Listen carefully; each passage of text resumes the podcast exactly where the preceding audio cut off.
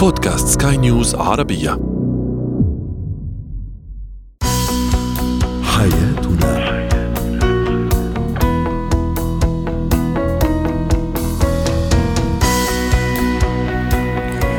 مستمعينا الكرام أهلا بكم معنا إلى حياتنا فضاؤكم اليومي الذي يعنى بشؤون الأسرة وباقي الشؤون الحياتية الأخرى والذي يمكنكم الاستماع إليه عبر منصة Sky News Arabia dot com slash podcast وباقي منصات سكاي نيوز عربيه الأخرى معي أنا أمال شابه. نتحدث اليوم عن أحد أنواع زواج الأقارب عندما تحجز الفتاة وهي صغيرة لابن عمها مثلا. أيضا سنتحدث عن القلق أو انواع القلق الذي يداهم الأطفال وهم في سن صغيره وكيف نساعدهم على تخطي ذلك وأخيرا سنتحدث عن كيفية السيطرة على العقل الباطن والفرق بينه وبين اللاوعي. هو وهي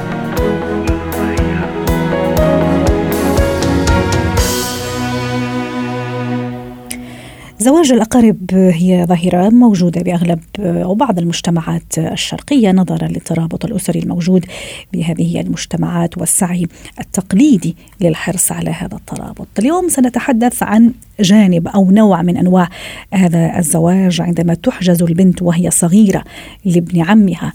للحديث عن هذا الموضوع ينضم إلينا عبر الهاتف من جدة دكتور هاني الغامدي المحلل النفسي والمستشار التربوي والأسري. يسعد أوقاتك دكتور هاني. في بعض الأسر نسمع أنه فلانة هند مثلا وهي عمرها شهر أو شهرين لمحمد اللي عمره أربعة أشهر أو سنة. وتكبر هند ويكبر محمد ويجدان نفسيهما في عهد وفي كلمة بين الأهل لأن تزوج هند لمحمد أو سين لصاد. هل هو مشروع زواج قصري؟ قد يقع أو قد يجد البعض نفسه مرتبط أو مجبور على الامتثال له أو له عفوا أم هو فعلا نواة لبناء مجتمع سليم وأسرة سليمة. طيب أهلا وسهلا بك سيده آمال بسم الله والصلاة والسلام على رسول الله. للمعلومية عشان نبدأ كلامنا على قاعدة واضحة. الشيخ بن باز حرم هذا الأمر، هذا ليس فتوى من عند هاني، هذا محرم من قبل شيخ فاضل بفتوى رسمية فيما هو عليه الأمر بأن هذا من فعل الجاهلية من فعل الجاهلية وهو أمر محرم. طب خلينا نحكي أيضا اليوم نفسيا دكتور هاني حتى ما نفوت في الأمور الثانية نفسيا و... وتربويا وحتى أيضا اجتماعيا دكتور. تفضل. أكيد. اذا اليوم لما يكون عندي القاعدة الأساسية في تحريم هذا الأمر التحريم ما جاء من من فراغ يا آمال، جاء من من ان هناك مسببات نفسية واجتماعية سلبية بشكل مباشر في هذا الأمر. يا كل من يسمعنا اليوم يا حبايبي، اليوم عشان أنا أبغى أتزوج، أليس من حقي وحقها إنه إحنا نشوف بعضنا البعض، نرى بعضنا البعض، وهو أمر من الأمور المهمة عشان يحصل القبول طيب لما أنا تحجروني إحنا عندنا الكلمة بالحجر حجر البنت. وبالتالي لما تحجر هذه البنت لابن عمها وعلى فكرة أمال. ترى مو شرط يكون ابن عمها ممكن يكون ابن الجيران للمعلومية. الجارتين حبايب ويحبوا بعض وعندهم عوائل متقاربة أو أو, أو غير متقاربة. وخلاص والله ولدك حيكون لابني إن شاء الله لما يكبروا ويفضلوا يحطوا ويغذوا عقلية صح. وذهنية هذول الاثنين الغلابة. حلوة كلمة يغذى دكتور هاني راح نرجع لها حتى نحللها أيضا من الناحية النفسية. تفضل.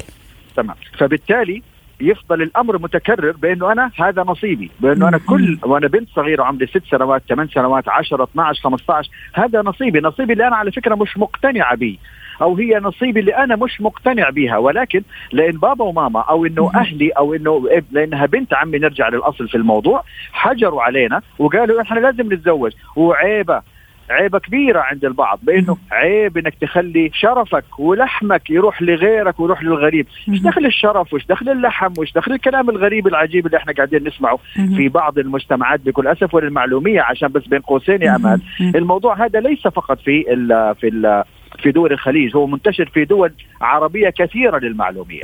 صحيح. بل ويوجد بل ويوجد في دول شرق آسيا أيضا وهذا اكتشاف أيام ما كنت هناك أن هناك نفس النهج بيتم في بعض الدول بدون ذكر أسماء. اللي يهمني اليوم إنه هذا التأثير النفسي الضاغط يلي أنا ما لي رغبة فيك وما لك رغبة فيني أو أحد الطرفين ما له رغبة في الطرف الثاني يجبر ويعيش حياة قاسره زي ما تفضلتي أنت بأنه أمر قسري بأنه أنا أفضل عايش أو عايشة مع شخص ضمن مفاهيم بائلة ضمن مفاهيم غير سليمة ضمن مفاهيم منتهية بانه أنا في الآخر أجبر على أن أعيش. هل الزواج أو هل التزاوج إنه أنا أربط اسم باسم؟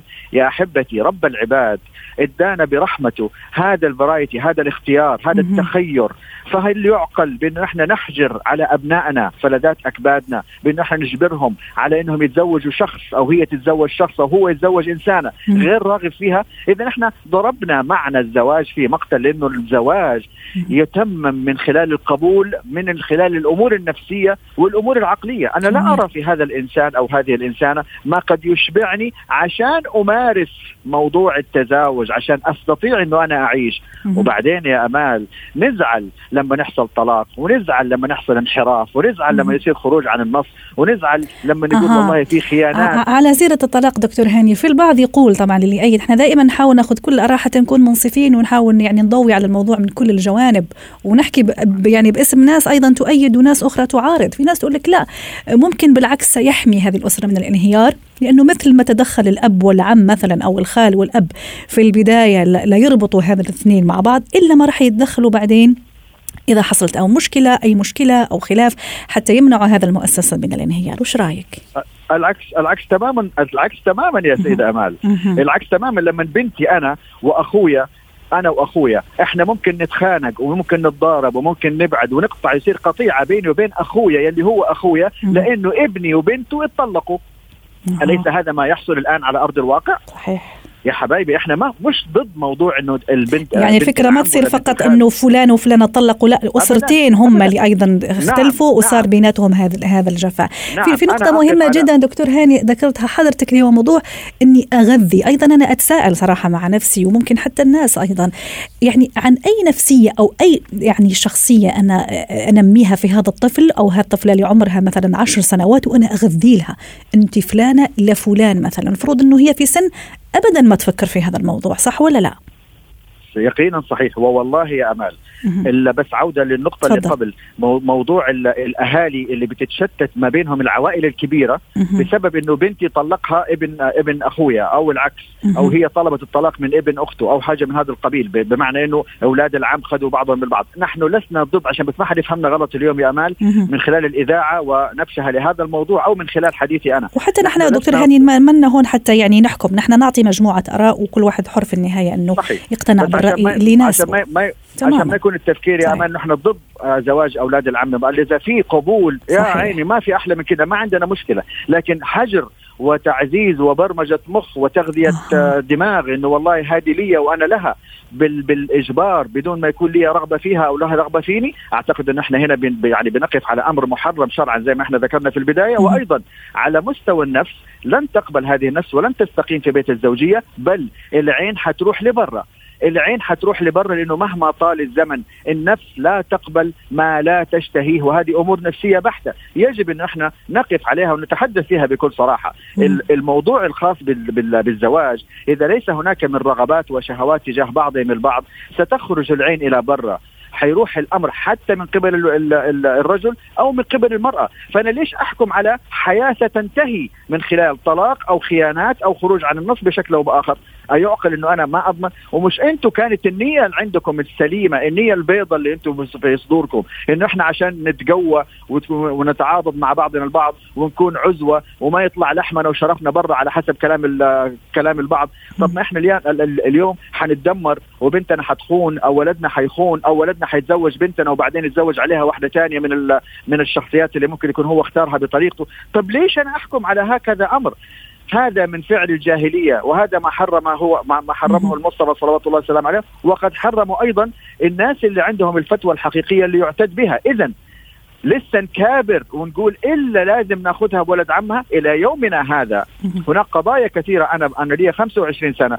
عندي قضايا كثيرة بتجيني فيما يخص نفس الموضوع اللي إحنا فاتحينه اليوم على إذاعة السكاي نيوز. ليش؟ لأنه للأسف ما زال نفس المفاهيم اللي حضرتك ذكرتيها يا أمال انه إحنا نكون عيلة واحدة وإن إحنا نتلم ويتلم الشمل. لا يا أحبتي الشمل ما حيتلم بل الفرقة ستتم. أنا أتحدث عند البعض وليس مم. بالكل. الفرقة ستتم والمشاكل ستتم لأنه في الآخر على الأقل لو كان هناك من عائلتين ليسوا أقارب لبعضهم البعض وحصل انفصال أهو خلاص على قولتهم كل واحد يصلح سيارته ويبعد عني لكن مم. الإشكالية لما أشوف إنه بنتي اللي تزوجها ابن عمها يلي أنا وأخويا حنتقابل في اجتماع أو في جمعة عيلة وللأسف إنه أنا زعلان منه لأنه بنتي طلقها ابنه أو ابنه ظالم لبنتي أو بنتي غير راضية عن ابنه وهكذا تتسع الأمور في أمور سلبية ستضرب النفوس على الدائرة الأعمق والدائرة الأوسع وبالتالي هي ليست لم شمت بل هي فرقة لدى البعض وهذا ما نقف عليه اليوم من كثير من القضايا. شكرا لك دكتور هاني الغامدي المحلل النفسي والمستشار التربوي والأسري كنت معنا من جدة على هذه المشاركة. زينة الحياة.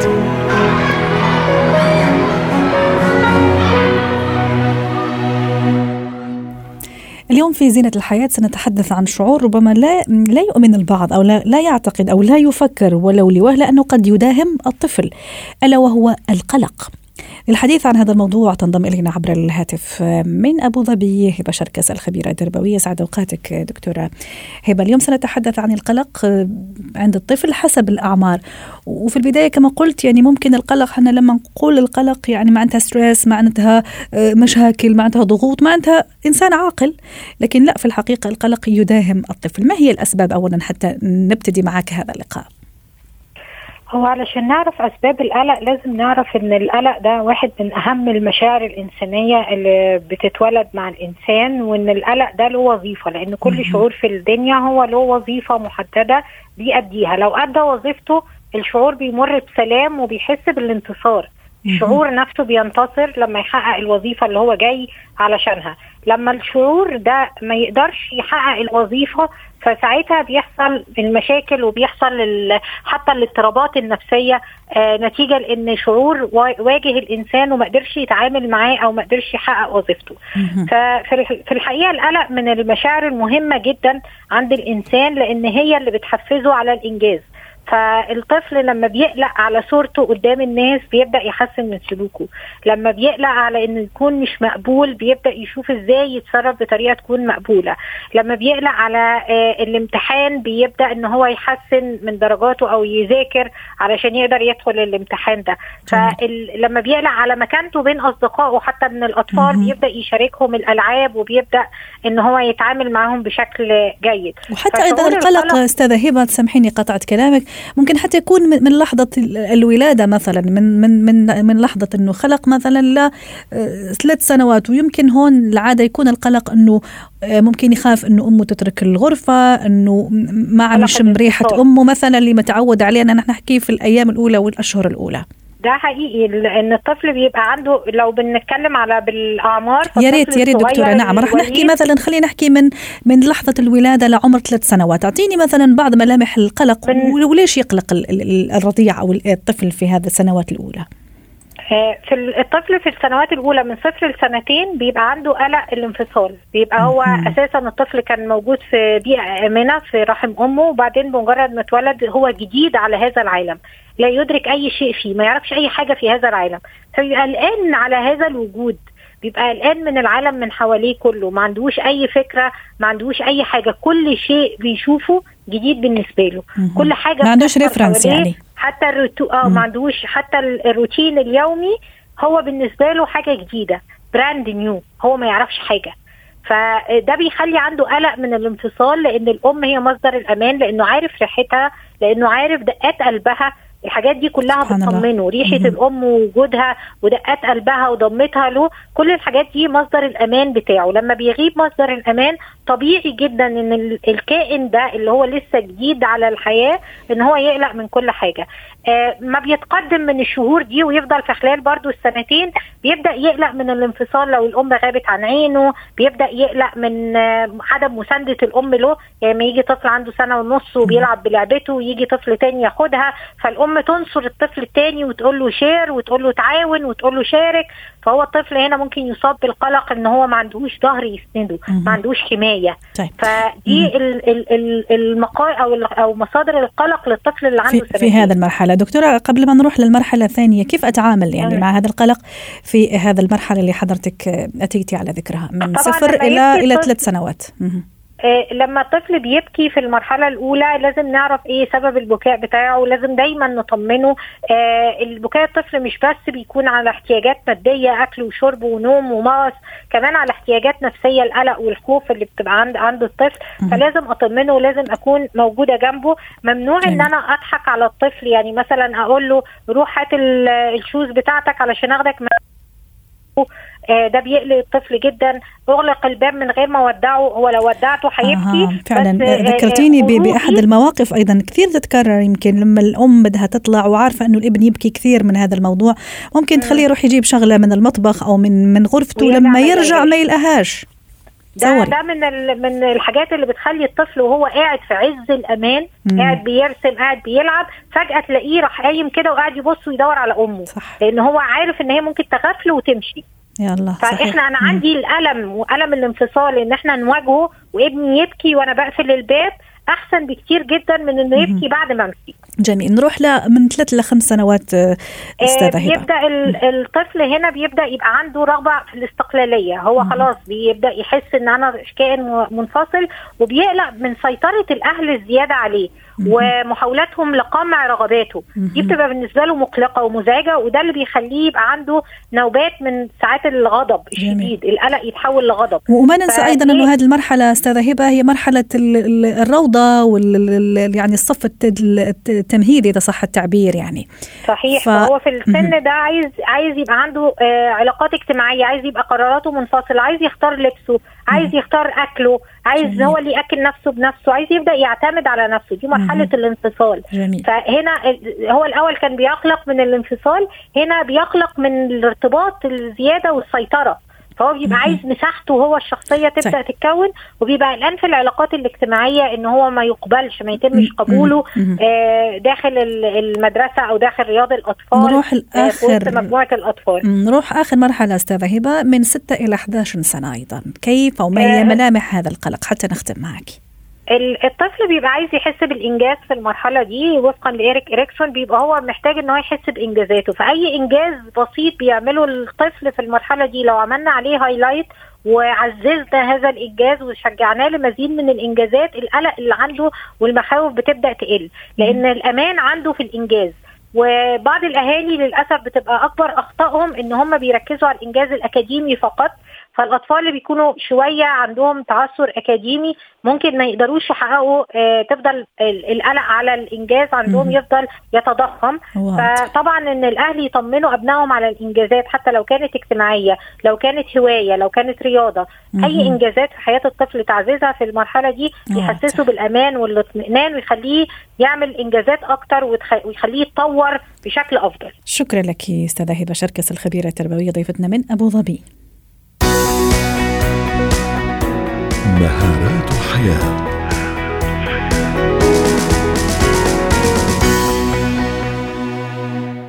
اليوم في مهارات الحياة سنتحدث عن مهارة ربما ليس الكل من يتقنها. يتعلق الأمر بمهارة السيطرة على العقل الباطن. للحديث عن هذا الموضوع تنضم إلينا عبر الهاتف من دبي مدربة الحياة بدرية محمد السياري يسعد أوقاتك أستاذة بدرية. في البداية كمدخل لحلقتنا اليوم وموضوعنا اليوم ما الفرق بين العقل الباطن واللاوعي؟ أهلا وسهلا أستاذة. كيفك حبيبتي؟ وسهلا. هلا والله. آه بالنسبة للعقل الباطن والعقل اللاواعي. الكثير يجهل أو آه لا يستطيع التمييز بين العقل الباطن والعقل الواعي واللاواعي. آه العقل الباطن هو المغذي للواعي واللاواعي. آه حنتطرق اليوم للعقل الباطن. تناولت الدراسات وما زالت تتناول موضوع العقل الباطن. فهو المسؤول عن الكثير من التصرفات التي يقوم بها الإنسان في حياته اليومية. وله العديد من الأسرار التي يحاول العلماء وما زالوا في الوصول إلى تفسير لها. آه ال- العقل الباطن هو من أقوى القوى الموجودة في الجسم، فعلا فهو الجزء مم. الذي يخزن المعلومات التي لا تخزن في العقل الواعي. ليعيدها للواعي عند الحاجة بدون تصحيحها فهو لا يستطيع التمييز بين الخير والشر السلبي والإيجابي هو فقط مركز للانفعالات واللاوعي أستاذة بدرية؟ اللاواعي آه يخزن ما يحصل لنا في خط الزمن في خط زمن الإنسان. بمعنى؟ بمعنى غالبا يخطن آه عفوا غالبا آه يخزن. مسببات الألم الخمسة. مهم. اللي هي؟ اللي هي غضب وحزن وتوتر وجلد الذات قرارات مقيدة. جميل. حصلت للإنسان في مرحلة ما قبل الولادة أو أثناء الحمل أو في سن الطفولة سن- إلى سن سبع سنوات. آه. يعني مثلا خلينا نعطي مثال حسب ما ما فهمت من حضرتك أستاذة بدرية. مثلا آه، آه، مرحلة ال- الفطام مثلا أكيد ما في حدا منا راح يتذكرها مثلا. ممكن هذه أنا تألمت فيها صح؟ آه، ممكن المراحل الأولى من الطفولة المبكرة جدا أنا تألمت فيها ومش قادرة أتذكرها. هل هذا اللي فهمته منك صح؟ هذه تتخزن في اللاواعي مم. وليس في الباطن. أيوه. اي إي، نحكي لها أنا على اللاوعي. نعم تماما. بالضبط تمام. بالضبط. طب استاذه بدرية ما دام نحكي إنه العقل الباطن هو يعني قوة فعلا قوية وقوة خارقة في الحقيقة في اسيطر عليه؟ في أخاطب عقلي نعم. الباطن؟ نعم. كيف؟ نعم. يوجد عدة قواعد للسيطرة على العقل الباطن. مم. آه أولا توجيه رسائل إيجابية وحالية أي أن تدل على الوقت الحالي. آه أن تتسم هذه الرسائل بإحساس قوي من قبل الشخص بمعنى مثلا يتقبلها. أنا سعيدة أنا ممتنة بالضبط. أنا ناجحة أنا ناجحة أنا مهم. سعيدة أنا متفائلة أنا قوية آه يجب أن يستشعرها ويتقبل مضمونها ليبرمجها العقل عمليا التكرار قاعدة أساسية لتنجح برمجة العقل الباطن. آه رسم صورة ذهنية جميلة في عقلك. الحديث الإيجابي المستمر مع النفس بتكرار بعض العبارات مثل ما تفضلتي. آه التفكير بمحبة الله وعظمته سبحانه لتحصل على السكينة على الصحة النفسية آه الأهم ويأتي بالخطوة الأولى أن تكون الفكرة واضحة ومحددة للسيطرة على العقل الباطن. وبالنسبة للاوعي أستاذة بدرية هل نفس الطريقة اللي ممكن أنا أسيطر عليها على على اللاوعي أو أخاطب هذا اللاوعي؟ آه اللاواعي يحتاج لتنظيف. بمعنى آه هو في آلية لتنظيف اللاواعي مهم. آه آلية التنظيف أنه هي آلية متبعة. يسير الإنسان على خط زمنه عند الوصول للحدث المؤلم يتم تنظيفه واستبدال السلبي بالإيجابي السيء بالحسن يستشعر الإنسان هذه المشاعر يرجع فيها للحاضر مهم. والأستاذة بدرية هل يعني ينصح ولا هل من من الصحيح أني أنا لما يعني في نفس الوقت اللي أنا أحاول أني أخاطب فيه العقل الباطن نفس الشيء يصير مع اللاوعي ولا لا كل كل واحد يشتغل على منفصل. على لا لا, لا حدة منفصل تماما. تماما منفصل. آه العقل الباطن تحفيز باستمرار. العقل الباطن طبيعته كسول طبيعته روتيني. ممكن حتى عنيد آه. أحيانا يقاوم. آه يقاوم في حال نشطت الكسل عنده. أها في حال أزعجته. الباطن في حال إني آه، أزعجته. آه في حال إنك موتيه. العقل الباطن يعشق الكسل. في حال التحفيز المستمر يتنشط. في حال غذيتيه باستمرار بالإيجابية.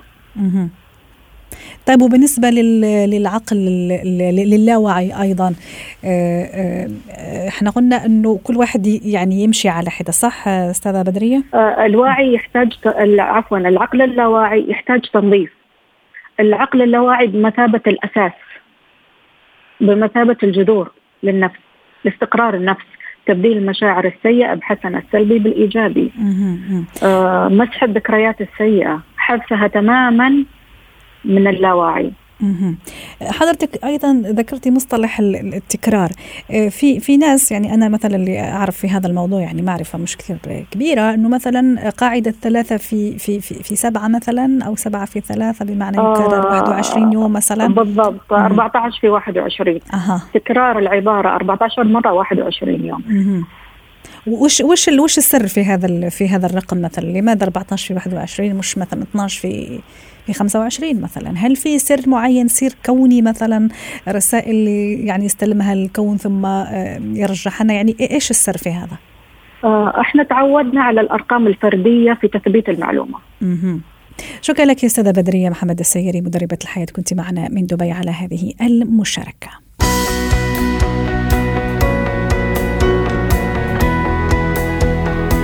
ختام حياتنا. شكرا لكم وإلى اللقاء. حياتنا